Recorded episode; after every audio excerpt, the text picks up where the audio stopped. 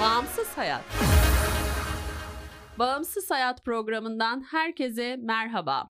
Ben doktor öğretim üyesi Seda Donat Bacıoğlu. Bugün Eğitim Fakültesi İngilizce Öğretmenliği bölümünden iki tane harika mezuniyet aşamasında öğrencimiz var. Hüseyin Akalın ve Zeynep Pınar Buğdaycı ve hocaları öğretim görevlisi Sezgin Kondal hocamız bizimle birlikte. Bugün farklı bir konu seçtik sizler için. Biliyorsunuz Bağımsız Hayat programında çok fazla konuk ağırladık. Ve bu gelen konuklarımızın hep söylediği ortak bir öneri yani bağımlılıkla mücadele noktasında, önleme noktasında öneri olarak gençlerin spor, müzik, resim gibi daha sanatsal faaliyetler ve sportif faaliyetlerle ilgilenmesine yönelik farklı olarak bugün İngilizce dil öğreniminden bahsedeceğiz aslında. İlk olarak konuklarımıza kendilerini tanıtmaları için mikrofonu veriyorum. Buyurun kendinizi tanıtın. Öncelikle merhaba. Ben Trakya Üniversitesi İngilizce Öğretmenliği aslında artık 4. sınıf değil mezun. Öğrenci hala. Zeynep Pınar Buğdaycı. 22 yaşındayım. E, merhabalar, benim adım da Hüseyin Akalın ve İngilizce öğretmenliği Trakya Üniversitesi'nde 4. sınıf olarak arkadaşımla aynı şekilde mezun oluyoruz bu sene. Benden de merhaba. İsmim Sezgin Kondal. Öğretim görevlisiyim Trakya Üniversitesi'nde. 22 yıldır bu kurumda çalışıyorum ve son 14 yılını İngilizce öğretmenliği programında çalışıyorum. Ve bu iki arkadaş gibi harika öğrenciler yetiştiriyoruz. Teşekkürler. Çok güzel. Şimdi Hüseyin ile Zeynep'in bugün programımıza katılma nedenleri e, Zeynep Erasmus'la Hüseyin ise Work and Travel organizasyonuyla yurt dışı deneyimleri edinmiş iki öğrencimiz. Onlara hem bu deneyimleri nasıl elde ettikleri hem de ne gibi süreçlerden geçtikleri, neler yaşadıklarını soracağız elbette programımızda. Gençler arasından iyi bir rol model olduklarını düşünüyoruz. Ama ondan önce Sezgin hocamıza söz vermek istiyorum. Hocam dil konusunda konuşacak olursak dil öğrenme konusunda ne kadar önemli bizim için dil öğrenmek? Aslında bu günümüz hayatımızda özellikle bu teknoloji çağında yabancı dil öğrenmek çok çok önemli. Özellikle İngilizce çok revaçta bir dil çünkü iletişim dilidir İngilizce. Ve mevcut okullarımızda da İngilizce eğitimine oldukça önem veriliyor. Fakat çok sık olarak biz İngilizce konuşamıyoruz şikayetleri geliyor. Bu yüzden bu sektörde özellikle özel dershaneler çok fazla atılımlarda bulunuyor. Online son zaman çok moda oldu. Online kurslar ve oldukça uygun ücretli kurslar var. Bunlar da dil öğrenmek isteyenlere önemli bir imkan ve kaynak sağlıyor. Yani aslında işin temelinde ilgi ve alaka var. Motive olan öğrenci, isteyen öğrenci rahatlıkla İngilizce ya da başka bir dil günümüzde öğrenebiliyor. Bu online de olabilir. Gittiği bir kurstan da bu imkanları kullanarak öğrenebilir. Evet. Yani hepimiz tabii okul hayatımız boyunca bir dil öğrenme ile e, sorumluyduk ve belli bir düzeyde belki geliştirebildik ama dediğiniz gibi konuşma konusunda hepimiz hem kaygılarımız vardı hem de işte biraz kemküm düzeyde diyebiliriz aslında bu konuda. Şimdi evet yani gençler açısından da baktığımızda dışarıda harika bir dünya var keşfedilmesi gereken ve o dünyayı keşfedebilmek için dil öğrenmek önemli. Nasıl öğrenebilirler? Nasıl geliştirebilirler kendilerini? Evet okulda ders olarak öğreniyoruz bir şekilde bunu ama konuşma, pratik açısından baktığımızda neler, hangi tür fırsatlar kapı aralayabilir? Belki yanlış bir yerden başlamak istiyorum. Konumuz bağımlılık ve aslında bağımlılıktan uzak durmamız gerekiyor. Fakat benim son 10-15 yıldır bir tespitim var. Maalesef oyun bağımlılığı erkek öğrencilerimizde müthiş bir konuşma becerisi gözlemlekteyim. Tekrarlıyorum, altını çiziyorum. Bu kötü bir örnek. Yani oyun bağımlı düzeyinde oyun oynamak kötü bir şey. Bunu yapmamamız gerekiyor. Fakat oyun oynamak belirli limitlerle, belirli sınırlıklarla dil becerilerimizi, özellikle konuşma becerimizi geliştirebiliyor maalesef. Kendi kontrol edebilen arkadaşlara yabancılarla, Alman, İngiliz, Rus her neyse onlarla online oyunlar oynayarak, onlarla iletişim kurarak konuşma ve yazma becerilerini geliştirebilirler. Fakat işin esasında bir gerçek var. Dil öğrenmek isteyen bir insan öncelikle sıklık yani dile maruz kalma sıklığından bahsediyorum. Süreklilik, bırakmamak yani her gün 10, 15, 20 dakika e, dile maruz kalmaktan bahsediyorum ve motivasyon tabii. Çünkü zaman zaman konular zorlaştıkça demotive olabiliyor öğrencilerimiz. Bunu asla göz önünde almamaları herkesin kötü günü olabilir. Hiçbir zaman bırakmazlarsa, yeterince isterlerse muvaffak olurlar. Bir gün C1 düzeyine kadar yükselebilirler. Aslında o başta söylediğiniz şeyi ben de çok duyuyorum. İşte teknoloji kullanımıyla ilgili özellikle bilgisayarda video izleye izleye ya da oyun oynarken dil becerilerini geliştirmek noktasında belki orada şunu gerçekten vurgulamakta fayda var. Bağımlılık düzeyinde değil ama kullanım konusunda bilinçli kullanım vurgusu yapmak önemli. E, gerçekten teknolojinin sunduğu bize fırsatlar var ve birazdan arkadaşlarımız da belki bu fırsatları değerlendirirken o yolları denediler. E, sonuçta bir şekilde iletişim kurdular. Dolayısıyla iletişim kurabilmenin en önemli yolu dil. O nedenle belki doğru kullanım konusunda altını çizmek burada da önemli e, sanırım dil geliştirme konusunda oyun, video gibi bir takım sosyal medya mecraları gibi şeyler gerçekten katkı sağlıyor. Ama tabii bunu nasıl kullandığımız, ne şekilde kullandığımız, ne kadar sıklıkla kullandığımız önemli. Şimdi siz de tabii birer yani İngilizce öğretmenliğinde okudunuz. Burayı bilinçli olarak seçerek geldiniz. Belki şimdi başkaları diyecek o zaten İngilizce öğretmenliğinde okuyor, dili var. Ama gerçekten öyle mi? Yani her İngilizce öğretmenliğinde okuyan çok ana dili gibi İngilizce konuşabilir mi? Nedir bunun aslında püf noktası? Zeynep seninle başlayalım. Aslında belirttiğiniz üzere bir noktada Sezgin hocamın da belirttiği üzere bir dile gerçekten hakim olmanız için bir noktada o dile çok fazla da maruz kalmanız gerekiyor. Ve İngilizce öğretmenliğinde okuyor olmanız demek aslında bir noktada C1, C2 yani bizim en üst seviyelerde dediğimiz İngilizce ile okulu tamamlamak anlamına gelmiyor. Yani okul içerisindeyken her ne kadar derslerimiz vesaire İngilizce olsa da bir noktada bunu pratiğe dökmek için de bunun üzerine çalışmamız gerekiyor. Gerçekten çok fazla çalışmak gerekiyor bir noktada. O yüzden hani diyemeyiz ki İngilizce öğretmenliği mezunuyuz. Şu an C2 düzeyinde konuşma açısından C2 düzeyinde İngilizcemiz var demek bir noktada zor yani. Bunu eğer bir noktada kanıtlamamız gerekiyorsa da bunun belirli sınavları var zaten. Bazı kurumların hani konuşma seviyemizi belirttiği IELTS, TOEFL bu tarzda sınavlar var. Ancak bunun sonucunda bu kanıtlanabilir bir düzeyde oluyor zaten. Hı hı. Ben ek bir şey söylemek istiyorum Zeynep arkadaşımın dediğine. Aynı zamanda bahsettiği gibi yani bu seviyelerde hepimiz mezun olmuyoruz. Kendimiz kendimizi ne kadar geliştirebildiysek o kadar gelişebiliyoruz. Hı. Okulda verilen eğitim yani bir noktada pratiğe dökebiliyoruz. Hatta Sezgin hocamızın da önceden işte speaking derslerimize girmişliği vardı. Ve o zamanlar ancak dökebiliyorduk hani pratiğe. Ama okul genelinde teorik kısmı kapılıyor herhangi bir dil için konuşuyorum. Sadece İngilizce için değil. Onun haricinde pratiğe dökmek için bir dilde uzmanlaşmak veya ileri seviyelere yükselmek için insanın kendisinin bir şeyler yapması gerekiyor. Evet. Ve tanışılan insanlar, katılılan o sosyal aktiviteler, sosyal gruplar bunları bu fırsatları aslında size sunuyor. Yurt dışı ikimizin de aynı şekilde büyük ihtimalle arkadaş çevresinden veya daha önceden araştırmalarımızdan bulduğumuz şeylerdi. Bu Work and Travel'da olsun, Erasmus'ta olsun fark etmez. Bu programlar herkese uygun olan programlar. Yani illaki böyle İngilizcenin olması gerekmiyor. Belli bir seviye yeterli. Çok az bir seviye ama zaten gerisinde de geliyor. Tanıştığın insanlar, o katıldığın aktiviteler bile oradaki insanlarla beraber dilini, İngilizceni veya Almancanı fark etmez. Bir şekilde o dili geliştirmeni sağlıyor. Kesinlikle zaten beden dili iletişim kurmada %65'lik bir dilimi kaplıyor. Dolayısıyla aslında çok az bir İngilizce ile bile e, bütün dünyayı dolaşabilir gibi bir belki cesareti de varsa kişinin. E, kesinlikle öyle ama yani çok az bir İngilizce ile bile hani cesaret varsa her türlü gezilir, her türlü insanlarla anlaşılır. Bir şekilde iletişim kurulur ve iki tarafın da dili bir şekilde birbirini etkiler ve gelişir. O zaman Hüseyin senle devam edelim. Yani work and travel nedir? Sen buna nasıl karar verdin? Nasıl bir iletişim kurdun ki buna katılabildin? Bu konuda bilgilerini bizimle paylaşır mısın? Şimdi şöyle bir şey. Ben lise dönemimde Work and Travel'a ait yani o fikir veya o program dahilinde bir şey araştırmadım ve görmedim, duymadım. Hı. Üniversiteye geldiğimde edindiğim bir arkadaşımdan dolayı Work and Travel sürecini bana anlattı detaylı bir şekilde anlatmak istiyorum dedi. Sonrasında da acenteler var. Acentelere gidip herkes istediği gibi gidip bilgi alabilir. Hani herhangi bir ücret talep etmiyorlar zaten bunun için istedikleri kadar hani bilgi alabilirler. Sadece work and travel için değil bu acenteler, yurt dışı eğitimi hani başka şeyler için de e, bir sürü program var Hı. ve onların da bilgisini veriyorlar. İstedikleri gibi gidip öğrenebilirler bu programları. Benim de arkadaşımla beraber olmuştu. Ben dedim hani e, madem araştırdın e, bir de acenteye gidelim orada bir öğrenelim. Bir bilgi alalım diye.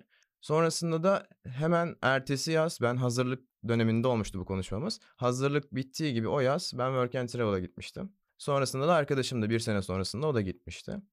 Ve tabii şimdi gittiğimizde baktık ki hani verilen parayı zaten her türlü orada çıkartıyorsun.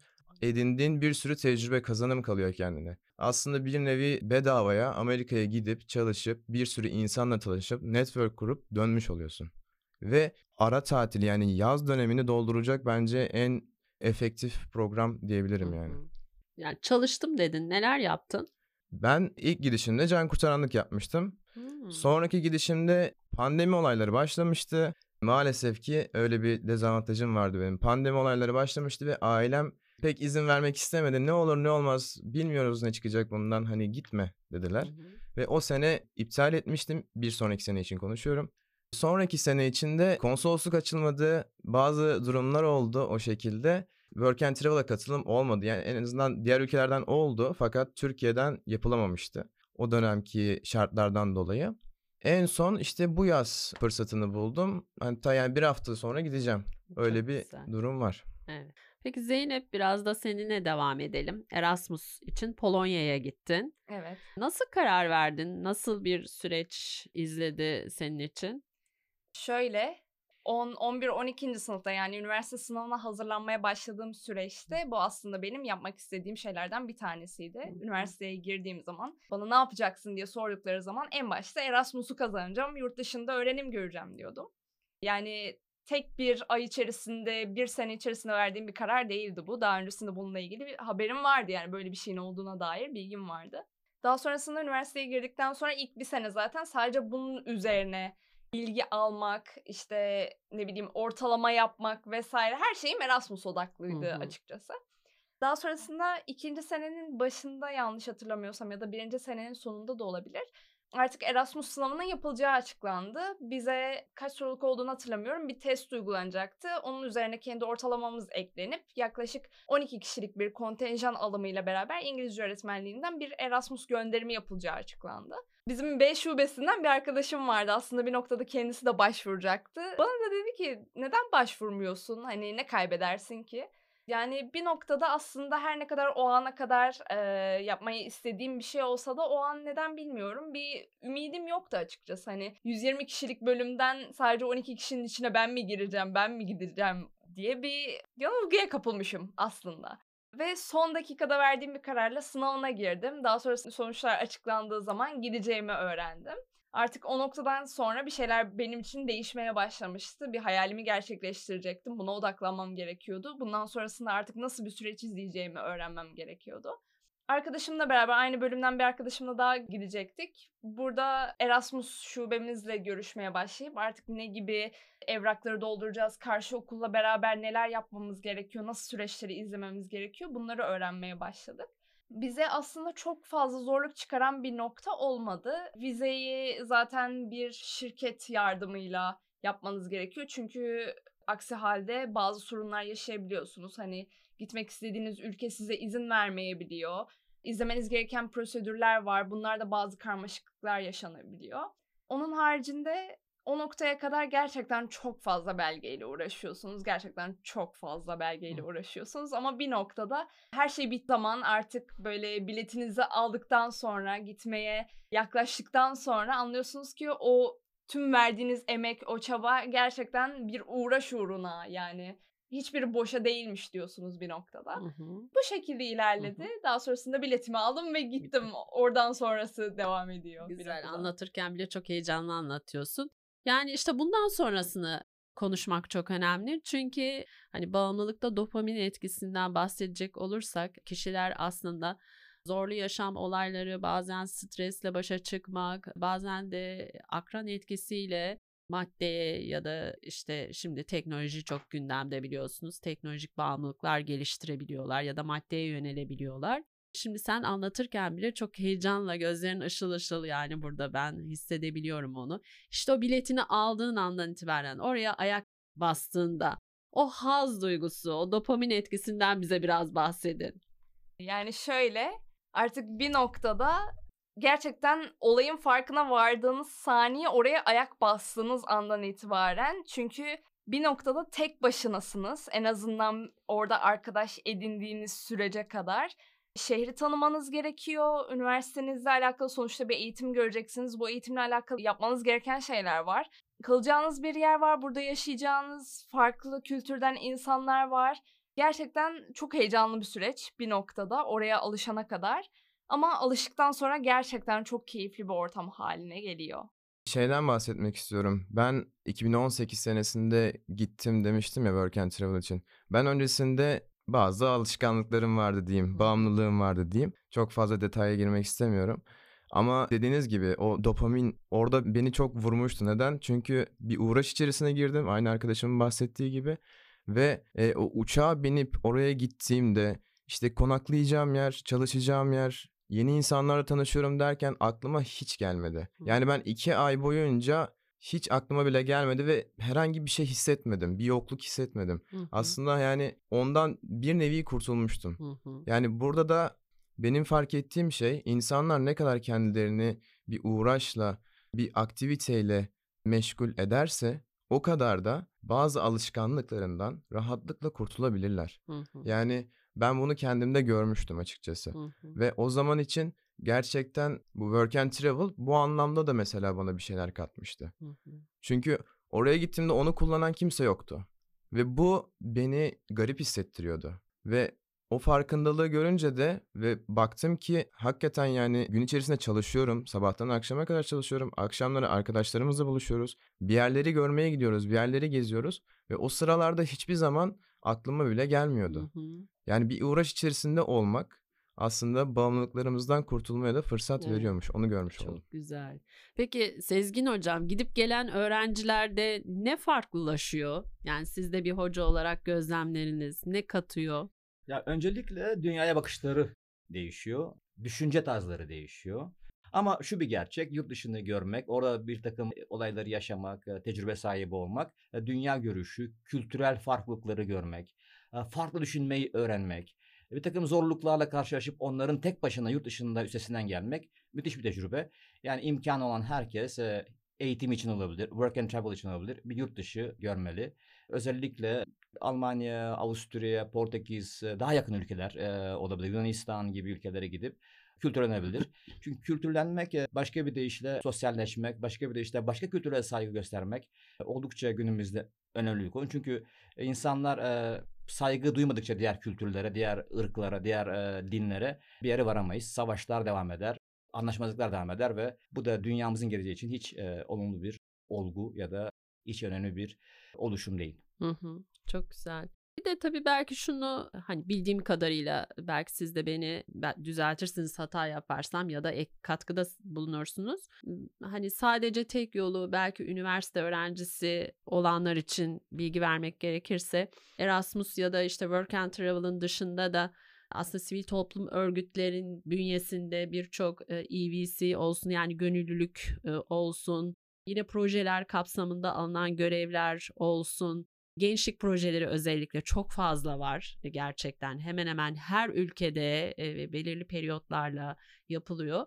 E, belki bunlar aracılığıyla da katılabilirler. Bu sivil toplum örgütleri aracılığıyla. Evet, onlarca örnek var. Onlarca da değişik yöntem var dışına gitmek için. Yeter ki doğru web sitelerini takip etmek. Ee, bazı ülkeler özellikle öğretmenlik bölümü okuyan öğrencileri yaz kamplarına gidip onların uçak masraflarını karşılıyorlar. Oradaki konaklama masraflarını karşılıyorlar ve oradaki kamplarda çocukların başı eğitmen ya da co-teacher olarak yani yardımcı öğretmen olarak çalıştırıyorlar. Bu çok da güzel bir deneyim. Sadece orada gidip o kültürü tanımıyorsun. Ayrıca kendi öğretmenlik tecrübelerini de pekiştirmek, test etmek imkanında buluyorsun. Bu tip programlar web sitelerinde mevcut. Bence meraklı arkadaşlar varsa bunları takip etsin ve yurt dışına kapılarını aralasın. Evet. Gelişimsel olarak tabii ki genç yetişkinlik dönemi diyecek olursak 18 yaş üstünü 25 yaş üniversite öğrenciliği dönemi.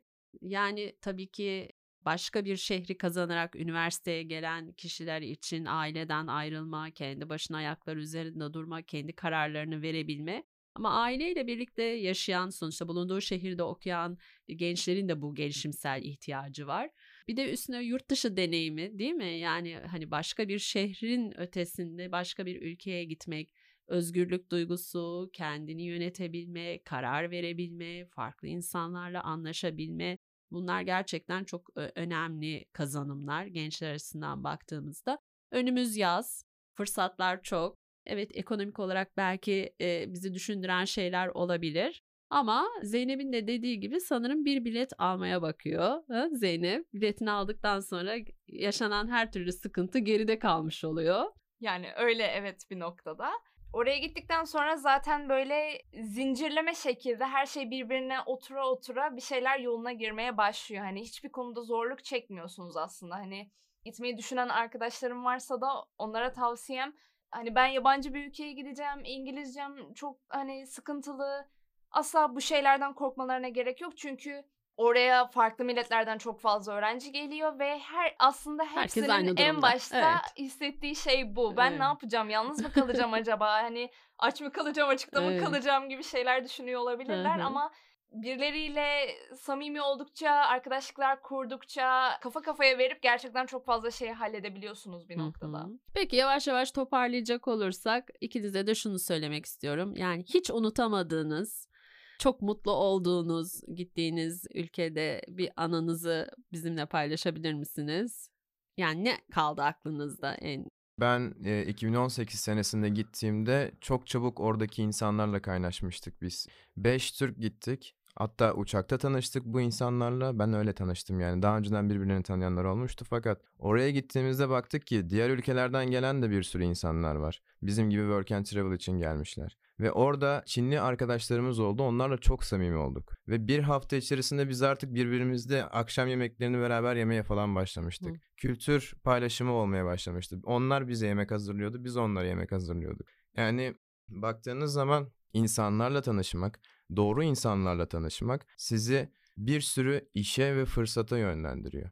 Bu konuda da hani temel aldığımız konu başlığında bağımlılık konusunda da çok fazla sizi yöneltici, doğru yöne yöneltici fırsatlar bulabiliyorsunuz bu şekilde. Yani benim de o zaman için öyle olmuştu hı hı. ve gerçekten çok mutlu hissediyordum kendimi oradayken. Ve beraber yediğimizde mantıya benzeyen bir şey yapmışlardı mesela. Ve onun içerisinde domuz eti varmış ve biz bilmiyorduk. Sonradan Müslüman olduğumuzu söyledikten sonra hemen domuz etini çıkartıp onun yerine normal dana etiyle yapmışlardı mesela. Çok saygı duymuşlardı. Hı hı. Bu konuda da mesela çok fazla kültür paylaşımı oldu. Ee, ben onu gördüklerinde onların bize duydukları saygıyı gördüğümde ve orada paylaştığımız ortamdan dolayı gerçekten kendimi çok huzurlu ve mutlu hissetmiştim. Hı hı. Bunun da çok büyük etkisi ve olmuştu bende ve hala da unutamıyorum o akşamı. Gerçekten geçirdiğim en güzel akşam oydu büyük ihtimalle. En başta şu anda aklıma gelen bir öneri, bir tavsiye ile başlamak istiyorum en başta. Erasmus'a gidecek arkadaşlarım varsa her okul kendi bünyesinde ESN adlı Erasmus Student Network e, adlı bir oluşuma sahip. Aslında her ne kadar Erasmus'a gidecek olsanız da gitmeyip sadece arkadaş edinmek isteyen insanların da bir arada bulunduğu bir topluluk bu. Ve Erasmus'a gidecek arkadaşlarım varsa mutlaka kendi okullarının Erasmus Student Network'ine kayıt olsunlar. Orada Erasmus'a gidip gelmiş insanlardan deneyimleriyle ilgili bilgi alsınlar. ESN kart alsınlar ki karşı ülkede çok fazla işlerine yarayacak her şekilde. Restoranlarda, toplu ulaşım sistemlerinde, daha aklıma gelmeyen sayamayacağım bir sürü şeyde gerçekten çok fazla işlerine yarayacak. Aynı zamanda ESN Buddies denen bir olay var ve eğer ESN üyesiyseniz karşı okulun ESN'inden bir kişi size buddy olarak atanıyor ve gittiğiniz andan itibaren orada her türlü ihtiyacınız için oranın öğrencisi olan bir e, arkadaşınız size yardımcı olmaya başlıyor. Akran danışmanlığı Aynen gibi öyle. bir şey. Bunu öneririm en başta. Gerçekten ESN öğrencisi olduğum için Trakya ESN öğrencisi olduğum için orada çok fazla şeyden yararlanabilme imkanı buldum ve kültür geceleri oluyor. Hatırladığım en güzel şeyler onlardı. Her milletten insanlar yiyecek içecekler hazırlıyorlar. Her ülkenin şarkıları, müzikleri çalınıyor. Ankara'nın bağları bile çalmıştı hatırlıyorum onu. Gerçekten güzel. çok eğlenceliydi. Ve onun dışında hani bireysel olarak kendi deneyimimden bahsedersem en mutluluk duyduğum an sanırım çantamı hazırlayıp artık Covid döneminde Erasmus yaptım ben. Ülkeme dönmeme bir ay kala gerçekten dedim ki ben çantamı alıyorum ve gidiyorum. Başka ülkeleri gezeceğim ne olursa olsun dedim. Hı hı. Çantamı alıp çıktım sadece. Terk ettim ülkeyi. Yani o gün hissettiğim o bağımsızlık duygusu, hissettiğim o mutluluk, o dopamin gerçekten hiçbir şeye değişilmezdi. Hı hı. Çünkü o ana kadar hani ailesiyle büyümüş bir noktaya kadar bazı kısıtlamalara maruz kalmış bir insandım ama gerçekten özgürlüğü tam anlamıyla tattığım an o andı. Güzel. Gerçekten bunları paylaşabilirim yani. Evet, teşekkürler. Programımızın yavaş yavaş sonuna geldik. Buradan bir mesaj verecek olursak belki yaz tatili gençler için bu tür fırsatları belki önümüzdeki eğitim öğretim yılında Erasmus için veya work and travel hizmetleri için belki sonrasında araştırma fırsatları en azından e, boş durmama ve araştırma fırsatları. Zaten gidecek ve gitmeyi düşünenler varsa da eyleme geçmek açısından belki gençlerimizi buradan motive ettik e, diye düşünüyorum. Son olarak sizlere de birer cümleyle söz verelim. E, Sezgin Hocam buyurun. Son olarak şunu söylemek istiyorum. Dil değil, diller öğrenin. Sadece İngilizce yetmez. O yüzden mutlaka yanına bir ikinci, üçüncü dil koyun ki yarın yurt dışına gittiğinizde daha özverili, daha özgüvenli ve daha girişimci olun. Ee, tekrardan konuk ettiğiniz için çok teşekkür ediyorum bu programa. Ee, Sezgin hocamın da dediklerine katılıyorum. Artık e, İngilizce dünyanın zaten bir dili ve bunun yanına neler katabiliyorsanız aslında o daha da önemli olmaya başladı. Önceden nasıl sadece İngilizce bilmek yeterliyse artık e, diğer dilleri bilmek sizi çok üst aşamalara, ileri seviyelere çekebiliyor. O yüzden herkese e, hem başarılar diliyorum hem de bol bol e, dil çalışmaları diliyorum. Teşekkürler. Ee, ve ben de gerçekten bir noktada burada olmak benim için çok ayrı bir deneyimdi. Çok ayrı bir mutluluktu. Bizi konuk ettiğiniz için gerçekten çok teşekkür ederiz. Ee, onun haricinde e, Sayın Hocam ve değerli arkadaşımın söylediklerine ek olarak ve bir İngi- birer İngilizce öğretmeni olarak vermek istediğim tavsiye şu. e, asla hata yapmaktan çekinmeyin. Özellikle yeni bir dil öğrenirken bu sadece İngilizce için geçerli değil. Yeni öğrendiğiniz bir dilde hata yapmaktan korkmayın. Önemli olan e, hatalarınızdan ders çıkarıp bir daha o hatayı yapmamak. Çünkü e, bir noktada ülkemizde İngilizcenin e, İngilizce konuşulmaktan korkulmasının sebebi de başka insanlar tarafından yargılanma korkusu, hata yapma korkusu. Ama e, eminim ki hocam ve arkadaşım da benimle aynı görüştelerdir. Yani bir noktada korkmamak gerekiyor. Hı hı. Kendini geliştirmek için hata yapacaksın. Hata yapa yapa öğreneceksin Hı bir noktada. Ve e, hayallerinizden vazgeçmeyin. Kendinizi geliştirmeye devam edin. Hiçbir şekilde dur- durmayın. Çünkü hayat beklemiyor. Sürekli akmaya devam ediyor. Çok güzel, harika mesajlar verdiniz. Evet e, sevgili Bağımsız Hayat dinleyicileri, bugün programımızda Trakya Üniversitesi Eğitim Fakültesi İngilizce Öğretmenliği bölümünden e, Sayın e, öğretim görevlisi e, Sezgin Kondal hocamız ve öğrencileri Zeynep Pınar Buğdaycı, Hüseyin Akalın e, program konuğumuzdu. Bizlere e, yurt dışı fırsatları hakkında hem deneyimlerini paylaştılar hem de bilgiler verdiler. Dil öğrenmenin önemi hakkında konuştuk. E, o zaman e, sözü şu şekilde e, bağlayalım ve programımızı kapatalım. E, yaz tatilinde bol yurt dışı fırsatlarıyla e, gezerek, eğlenerek, öğrenerek başta en önemlisi belki dil öğrenmeye başlayarak ya da öğrendiğimiz dili geliştirerek geçirmekte fayda var. E, herkese sağlıkla kalın, esen kalın diyoruz. Hoşça kalın. Bağımsız hayat.